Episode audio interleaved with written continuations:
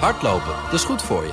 En Nationale Nederlanden helpt je daar graag bij. Bijvoorbeeld met onze digitale NN Running Coach... die antwoord geeft op al je hardloopvragen.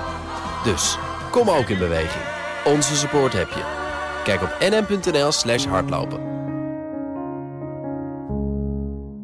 Nederland lijkt na het Verenigd Koninkrijk het zwaarst getroffen land te worden bij een harde brexit. Is de Nederlandse exportsector goed voorbereid op een no-deal? Dat en meer bespreek ik in het economenpanel bestaande uit Harold Benink, hoogleraar bankwezen en financiering aan de Tilburg University, en Martin Visser, econoom en financieel journalist bij de Telegraaf. Welkom heren, fijn dat jullie er zijn. Goedemiddag. En uh, ik wil beginnen bij de Europese Unie. En de allereerste obligaties die zijn uitgegeven door de Europese Unie... met een waarde van 17 miljard euro. Door beleggers was er ingetekend voor 233 miljard euro. Harald, waarom zijn die obligaties zo ontzettend populair? Nou ja, beleggers zijn natuurlijk gewoon op zoek naar uh, risicovrije, relatief risicovrije beleggingen. Um, en beleggen in dit uh, schuldpapier uitgegeven door de Europese Unie is natuurlijk minder riskant dan bijvoorbeeld als Italië wat doet. Het is ook interessant te zien dat ten opzichte van de tienjaars looptijd op Italiaans uh, staatsobligaties, dat lag vorige week rond de 0,75 procent. En dit, uh, wat de Europese Unie betaalt, is min 0,25 procent. Um, dat heeft dus te maken met verschillende risicopercepties. Wat ook heel interessant is, er wordt natuurlijk al heel lang gezegd dat de eurozone naar een soort safe asset moet. Een risicovrij liquide beleggingsvehikel. Hè, dat, je niet, dat je niet in de Duitse staatsschuld of de Nederlandse staatsschuld. En, en je ziet dat dit dus mogelijkheden schept om, tegen, om, om grote sommen geld aan te trekken tegen hele lage rentevergoedingen, waar dan probleemlanden zoals Italië van zouden kunnen profiteren. Ja, dus jij ziet dit, dit is een hele principiële discussie, hè, maar jij ziet dit dus zitten. Nou, je ziet, we, nou kijk, er is besloten om dat coronaherstelfonds op te richten. Dat was onvermijdelijk uh, uh, om iets te doen voor landen als Italië en Spanje, die zelf, omdat die schulden natuurlijk al veel te hoog zijn, moeite hebben om bijvoorbeeld uh, steun te geven aan het bedrijfsleven. Want dan zou zijn eigen staatsschuldquotes uh, Italië nog verder de lucht in uh, drijven naar 160, 170, 180 procent van het bruto nationaal product. Nou, dat betekent dat je gewoon een eurocrisis 2.0 alleen maar aan het verstellen bent. Dus er is besloten om het te doen, om die reden. Ehm, maar je ziet wel dat het toch een keer een mooie testcase is hoeveel potentiële interesse hiervoor is van internationale beleggers. Maar is dit, dit, is toch geen testcase? Dit is gewoon het begin van een veel groter project. Het gaat nu om 17 miljard, maar het gaat de komende jaren om honderden miljarden. Nou ja, het gaat om die 750 miljard, hè, wat, wat ze uit de markt moeten halen. Maar nee, maar het is een testcase in die zin dat het dus blijkbaar heel makkelijk is voor de Europese Unie om dit soort obligaties uit te geven. Ja, waarbij ik dan wel even, Harald Benen zegt dat niet, wel wil even voor wil waarschuwen dat eh, de appetijt van de beleggers dus niet automatisch betekent dat het dus een goed idee is om dat te gaan doen. Maar het is al mooi om te zien dat hier vraag naar is. Uh, uh, gelukkig maar, anders was het meteen al helemaal mislukt. Ja. Dus nog inderdaad terecht wordt gezegd, het is wel een hele principiële vraag of je dit moet gaan willen. Want het is natuurlijk gewoon het, het, het, het, het poelen van schulden. Ja. En wat hier overigens wel een rol speelt, is dat heel veel interessant papier voor beleggers, de Duitse en Nederlandse staatsobligaties, natuurlijk ook massaal worden opgekocht door onze eigen centrale bank. Dus het onze ja. eigen centrale bank ja, ook die markt natuurlijk heel erg op zijn kop zet. Uh, en ook heel veel ja, papier, wat anders interessant zou zijn geweest, uh, voor, de, voor de ogen van de beleggers wegkaapt. Ja, nou, ik, ik, ik bracht het inderdaad even naar voren dat het een hele principiële discussie is. Omdat ik me meen te herinneren, Martin, dat wij hier ook over hebben gesproken in maart, april, mei, toen het hierover ging. Ja. En dat jij wel wat aarzelingen had. Nou ja, zeker. Bedoel, het werkt dus wel. Ik bedoel, uh, daar had ik ook geen twijfels over. Het is de vraag alleen of je het moet willen. Ja, dit, is pas, dit is nog niet eens het herstelfonds van 750 miljard. Dit is, dit is een soort voorloper ervan. Wat wij aan loonsteun hebben in Nederland, financieren we allemaal zelf. Maar de Zuid-Europese landen kunnen vergelijkbare regelingen laten financieren door de Europese Unie. Laten voorfinancieren. Omdat die landen zelf uh, blijkbaar te veel rente moeten betalen op de markt. Dus je zit natuurlijk wel een beetje het symptoom te bestrijden. Want uh, de kwaal is natuurlijk iets anders. De symptoom is die rente. De Italiaanse rente is natuurlijk eigenlijk krankzinnig laag. Maar blijkbaar is, is dat al een probleem voor de Italiaan om het allemaal zelf te kunnen ophoesten. Uh, ja, en als je aan de kant van die symptomen gaat duwen, dan ga je natuurlijk wel steeds verder die steeg in. Waarbij dus nu al eerst aan de kant van de centrale bank schulden massaal zijn gefinancierd. En nu gaan we het op deze manier, uh, deze manier doen. Terwijl het werkelijke probleem is, is dat Zuid-Europese landen niet in staat zijn om hun eigen uh, staatsschuld op orde te krijgen. Mm. Harald, je gaat dus uh, steeds verder en steeds nauwer en donkerder steeg je in. dat klinkt nou, niet als een hele appetijtelijke ja. goede weg. Nou ja, dit is natuurlijk de principiële discussie van de eurozone. Hè. Daar hebben Martin en ik uh, vaker over gediscussieerd. Um, Jullie werden het ook altijd eens of niet? Nou, we convergeren soms. Dat, um, nee, maar dat is een valide discussie. Um, en waar het hier om gaat, is natuurlijk dat we. Kijk, het gaat natuurlijk om het verhaal van kun je een, uh, een Europese valuta hebben, hè, die we met het verdrag van Maastricht hebben opgericht, zonder ook een soort uh, fiscale support, fiscale dekking. En je ziet nu dus dat bepaalde landen, kijk, waarom doen we dit? Kijk, een deel van die 750 miljard, namelijk 390 miljard, dat zijn niet eens leningen. Uh, aan Italië, dat zijn giften, dat zijn investeringssubsidies. Daar proberen we natuurlijk die economie daar uh, zeg maar aan te jagen en dat te linken aan economische hervormingen. Daar heeft Mark Rutte, onze premier, hard voor gestreden. Dus het is niet alleen een alternatief voordat Italië het, het, geld zelf zou lenen. Nee, het zijn voor een deel is het dus ook, zitten de giften investeringssubsidies in. Maar het gaat natuurlijk om, kunnen we een munt overeind houden op het moment dat we niet bereid zijn om zeg maar. Eh, een bepaalde vorm van risicodeling te accepteren. En de belangen voor Nederland zijn natuurlijk heel groot. Want ik zeg wel eens van. Ja, ja eigenlijk is jouw antwoord volgens mij, sorry dat ik je onderbreek, dat kan dus niet. Nou, dat, dat kan dus niet. Dat zien we. Daarom hebben we ook steeds van die crisis natuurlijk. we hebben natuurlijk crisis gehad in het eurosysteem in 2010, 2012. Na de bankencrisis, na de val van Lehman Brothers. Nu hebben we het, eh, zeg maar, uh, oplopende spanningen met het corona-verhaal. Um, dus dat kan dus niet. Het is natuurlijk een discussie die al heel lang speelt. En je ziet dat Duitsland meer dan Nederland Ehm, een soort mentale switch heeft gemaakt. In Duitsland werd heel duidelijk gezegd van ja, we moeten voor een deel gratis investeringssubsidies geven, want die Italianen zich laten volladen met nieuwe leningen. Ehm, dat, dat, eh, dat is te gevaarlijk, gegeven de hoge staatsschuldquote die ze al hebben. En ook wat Duitsland zei, het uitgiften van schuldpapier door de Europese Unie, wat door, voor Nederland een no-go was. En wat voor de Nederlandse kabinet ook duidelijk een, een zeg maar, verrassing was dat Duitsland die switch maakte. En waarom heeft Duitsland dat gedaan? Omdat ze wel zien als Zuid-Europa uh, instort hè, qua exportmarkten hè, en zich niet kunnen herstellen, dan zal ook het Nederlandse bedrijfsleven daar een hoge prijs voor betalen. Maar ik, ik, ik, deel op zichzelf de analyse dat het waarschijnlijk dus niet kan. Een gezamenlijke munt zonder, zonder dit soort vormen. Dat is nog de vraag of je dat moet willen. Uh, ik denk dat er heel veel redenen zijn om dat niet te willen. Ook omdat heel veel kiezers die vergaande verknoping uh, helemaal niet willen. Heel veel burgers in Europa niet. En wat je nu gaat krijgen is wel het slechtste van twee werelden. Want je hebt dus al dat ene rentebeleid. Dan ga je het ook nog eens een keer gezamenlijk de schulden financieren. Maar wat je natuurlijk steeds nalaat te doen... is te zorgen dat die landen ook verplicht worden om de boel op orde te brengen. Dan wel hun eigen staatsschuld, dan wel hun economie. Dat is dan toch dus, hervormingen tegenover? Uh, ja, die staan er tegenover. Dat is natuurlijk nog de vraag of dat... Uh, dat is overigens niet bij dit pakket, dat is bij het herstelfonds. Dus de vraag in welke mate dat gebeurt. De track record van de Europese Commissie is natuurlijk bar en boos.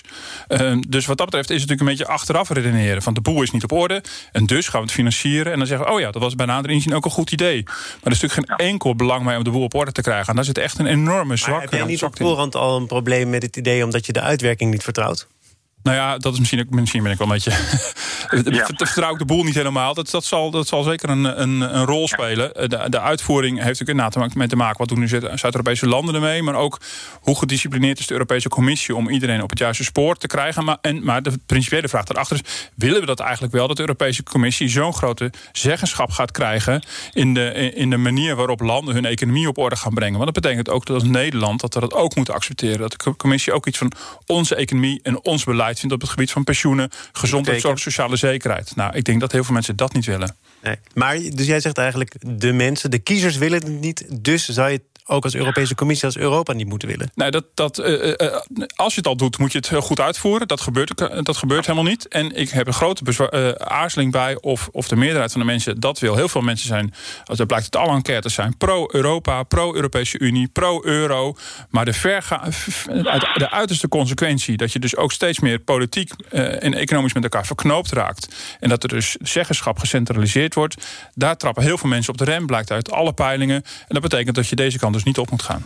Harold, jullie hebben nog een minuut om het deze keer wel met elkaar nou eens te worden. Uh, wat, wat, wat is, kijk, ik ben, ik, ik ben het met, uh, met Martin eens van hè, dat de huidige deal niet goed in elkaar zit. Hè. Martin, je weet ook, hè, ik ben voorzitter van de Europese Groep van Hoogleraren. Wij hebben sinds het Brexit-referendum gepleit als groep van Europese hoogleraren, maak een plan met Italië voor de komende vijf jaar. Economische hervorming, concrete stappen.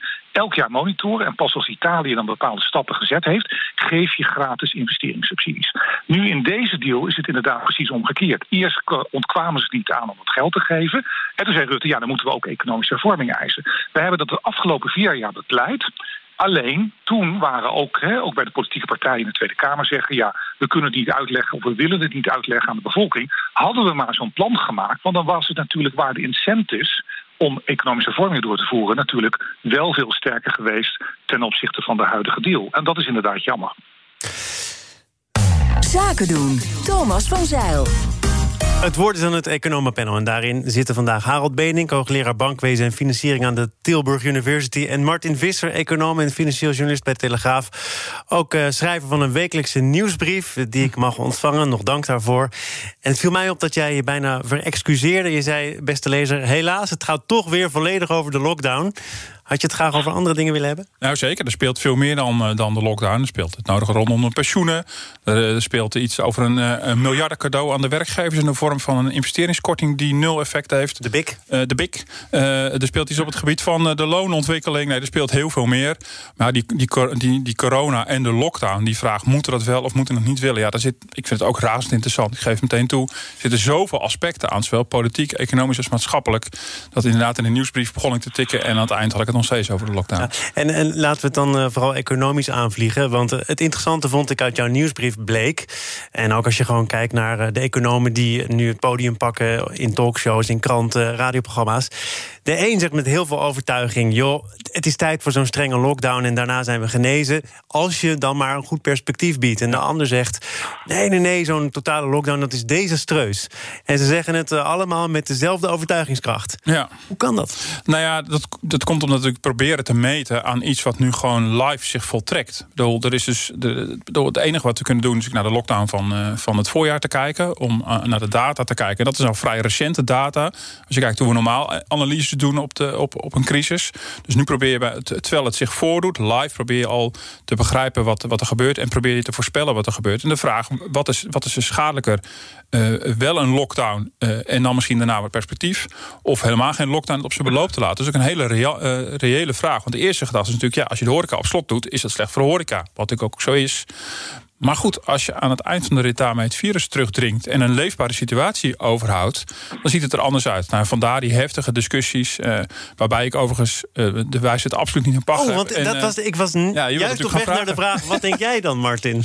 Nou ja, ik, ik vind dus, uh, ik haal onder andere Marieke Lon van de ING aan. Er zijn wel meer die dat vinden. Die zeggen van lockdown, allemaal leuk en aardig. Maar als je dat al zou doen, moet je ook weten wat daarna gebeurt. Dat is, dat is ook een terugkerend punt in wat ik ook in de krant en in de nieuwsbrieven maak. Het heeft totaal geen zin om alleen maar gewoon met het virus weg te duwen, de hamer, als er geen danspartij is daarna. Bedoel, dan moet er daarna gedanst worden. Dat is, ik vind het een rare beeldspraak, maar ik heb, Rutte kwam natuurlijk de laatste keer mee, de hamer en de dans.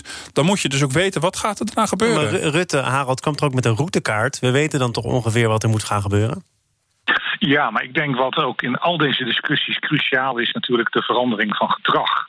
En dat schijn, hè, er wordt heel veel in de, hè, natuurlijk in de kranten geschreven over hè, vergelijkbare landen zoals Duitsland en Denemarken en Zweden, waar mensen zich toch meer geneigd zijn dan aan de regels te houden dan misschien de eigenwijze Nederlander. En eh, ik denk ook dat dat het kabinet probeert te doen, hè, te dreigen met draconische maatregelen als de Nederlander zijn gedrag niet aanpast. Um, want dat is cruciaal. Zelfs als je een volledige lockdown hebt, maar mensen blijven thuis gewoon uh, mensen ontvangen en noem maar op en houden geen afstand dan uh, kun je nog steeds de situatie hebben dat, dat, besmettingen kunnen doorgaan. Dus die verandering van bewustzijn en kijken naar gedrag is denk ik heel belangrijk. Uh, om te kijken van, hè, en dan misschien moet je naar intelligente lockdown terug. Wat ook van belang is. Uh, mag ik daar wat over vragen? Want Harold, jij komt overduidelijk telefonisch tot ons.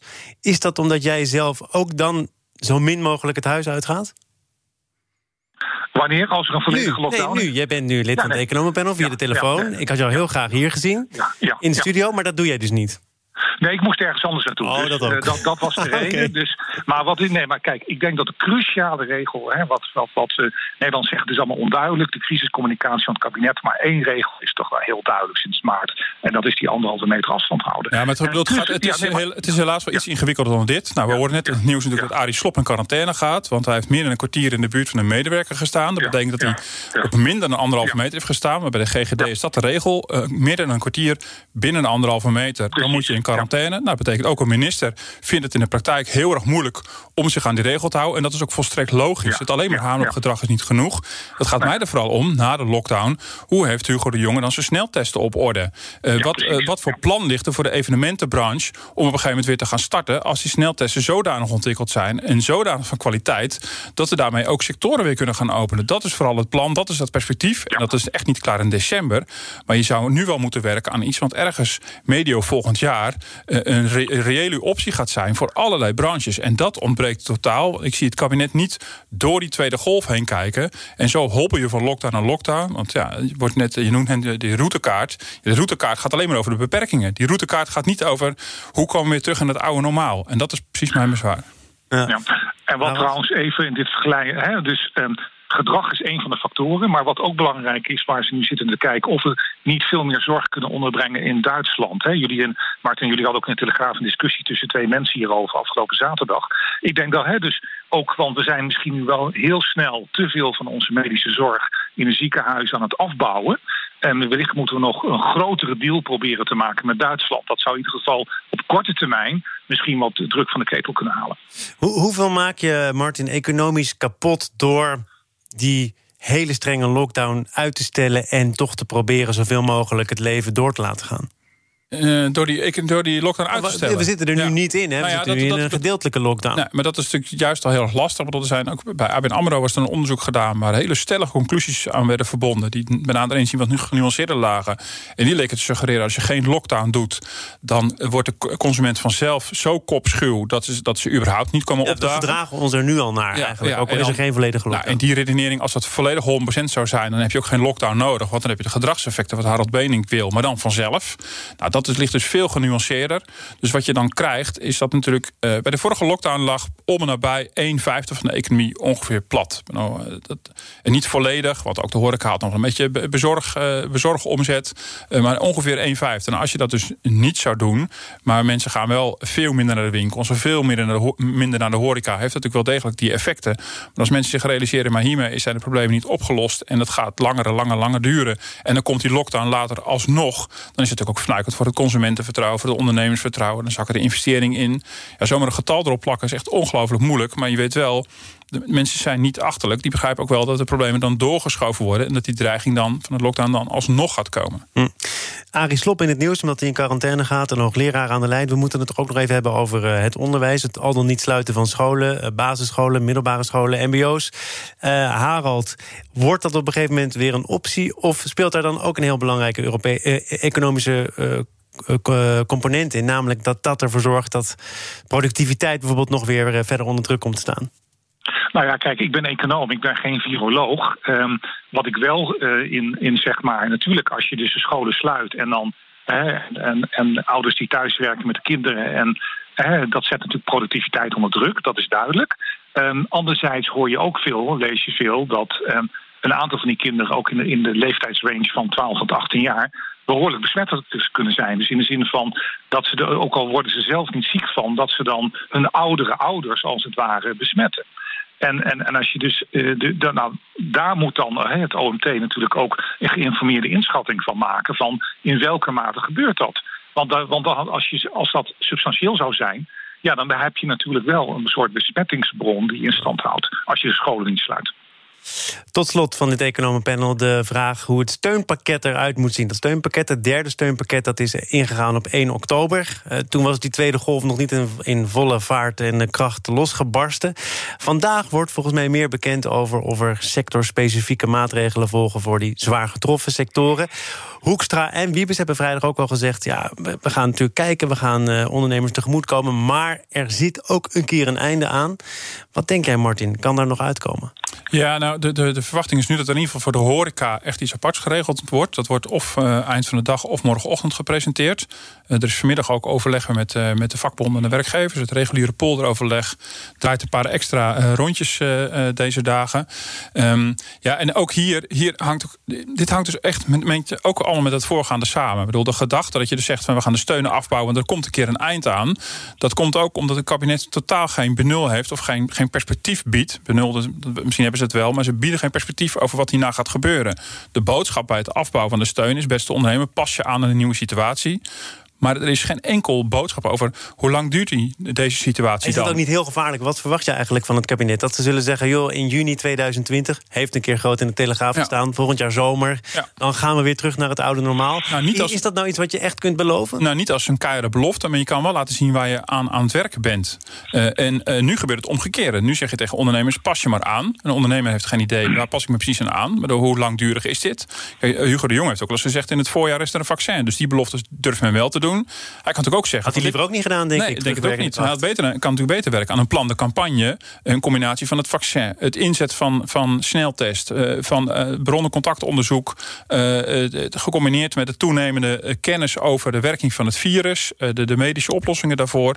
dat je natuurlijk wel probeert een, een soort plan te maken van waar gaan we nou in 2021 eigenlijk precies naartoe. En dan beste ondernemer, dit is dan de situatie waar je voor volgend jaar in grote lijnen rekening mee moet houden. En dat is natuurlijk nu niet. Dus het argument van het houdt een keer op, vind ik niet valide. Hoe zou zo'n steunpakket er wat jou betreft uit moeten zien, Harald? Nou ja, ik denk dat, het, eh, dat in ieder geval additionele maatregelen, specifieke maatregelen voor de, voor de horeca wel gerechtvaardigd zijn. Want die worden natuurlijk hard geraakt hè, door wat er nu weer gebeurt. Hè. Uh, dus dat is, dat is onvermijdelijk. En je moet, uh, men, had, uh, men had dat idee van we gaan al afbouwen. Maar ja, dat, ik denk cross the board, als, omdat nu die tweede golf toch in ontwikkeling is als je toch het geloof hebt dat, dit, dat we hier in de zomer op een of andere manier uit gaan komen. Um, ik zag gisteren ook Marcel Levy, de oud-bestuursvoorzitter van uh, het AMC die nou een dertiental ziekenhuizen in, in, Londen runt als CEO. Die zei van ja, misschien moeten we. Hij had zelf al dat Oxford-vaccin heeft hij als een trial gekregen. Hij zei, ja, misschien moeten we ook iets minder risicoavers zijn bij de introductie van de, van de, van de iets minder risicomijdend zijn met de introductie van de nieuwe vaccins. Oh. Natuurlijk moet zijn de veiligheidsprocedures, zei hij, maar misschien moeten we gegeven de, de omvang deze, van de calamiteit en de grote schade van de coronacrisis, misschien moeten we die vaccins wat sneller gaan uitrollen dan gebruikelijk. En dat is misschien ook een belangrijk punt. Maar Harald, dan toch nog even tot slot als jij zegt uh, om nu die steunpakketten te gaan afbouwen... terwijl je toch nog moet werken naar een perspectief... waarin het misschien medio volgend jaar weer normaal is. Dat, dat zou zonde zijn. Je moet nog steeds niet nadenken over uh, schulden, tekorten die ontstaan. Dat, dat, die discussie moet nu nog steeds niet gevoerd worden? Op het niveau van de overheid bedoel je? Ja. Ja? Nou ja, kijk, Nederland begon met een ontzettend lage staatsschuldquote van rond 48% van het nationaal inkomen. Dus nou, dat Nederland kan dus in termen van, uh, van zeg maar verhoging van de staatsschuld ik denk dat de meeste economen ook in Nederland erover eens zijn dat dat nou niet het hoofdprobleem is. op termijn wil je natuurlijk ook het groeivermogen van de economie versterken en dat die ondernemingen weer aan de slag gaan. Dus ik denk dat dat niet het grootste zorg is. Kijk, uh, Frankrijk, landen als Frankrijk en Spanje zitten veel meer in de richting van 100% staatsschuldquote. Nou, wij zitten nu ergens uh, richting de 60. Dat is nog steeds bijzonder laag. Eens, Martin? Ja, nee, helemaal, helemaal eens. Die ruimte is, ik bedoel, die, die noodzaak is helemaal niet de diepe zakken van Bob Hoekstra zijn we lange na nog niet leeg. Dus dan uh, hoeven uh, Wiebes en Hoekstra uh, afgelopen vrijdag wat ze gedaan hebben ook niet te zeggen dat het wel een keer ophoudt. Want in ieder geval, zij kunnen nog uh, financieel ondersteunen. Zeker. Dan, dan verwacht ik ook een betere argumentatie wat dan de gedachte erachter is en die ontbreekt. Want dit klinkt ook heel Hollands. Van het houdt een keer op. En denk ik, ja, ja, dat is wel waar. Het houdt wel een keer op. Nee, dit vereist toch wel even een iets betere verhaal dan wat het nu toe uit Den Haag is gekomen. Heren, het houdt wel een keer op. En zelfs nu Harald Benink, hoogleraar bankwezen en financiering aan de Tilburg University. Martin Visser, econoom en financieel journalist bij de Telegraaf. Dank voor jullie bijdrage aan het economenpanel in BNR Zaken doen. Morgen dan is er weer een nieuwe uitzending. En dan is de gast Twan Tax van Doornroosje in Nijmegen. Dankzij een businessclub en flinke investeringsrondes... kon de Nijmeegse popsector zonder subsidie op eigen benen staan. Is dat nu nog wel vol te houden? Dat hoor je morgen in BNR Zaken doen. Zometeen is het eerst tijd voor Nieuwsroom. Dat is onze dagelijkse podcast, gemaakt door de collega's van het FD en BNR. Gepresenteerd door Mark Beekhuis. Veel plezier. Business Booster. Hey ondernemer, KPN heeft nu Business Boosters. Deals die jouw bedrijf echt vooruit helpen. Zoals nu, zakelijk tv en internet, inclusief narrowcasting... de eerste 9 maanden voor maar 30 euro per maand. Beleef het EK samen met je klanten in de hoogste kwaliteit.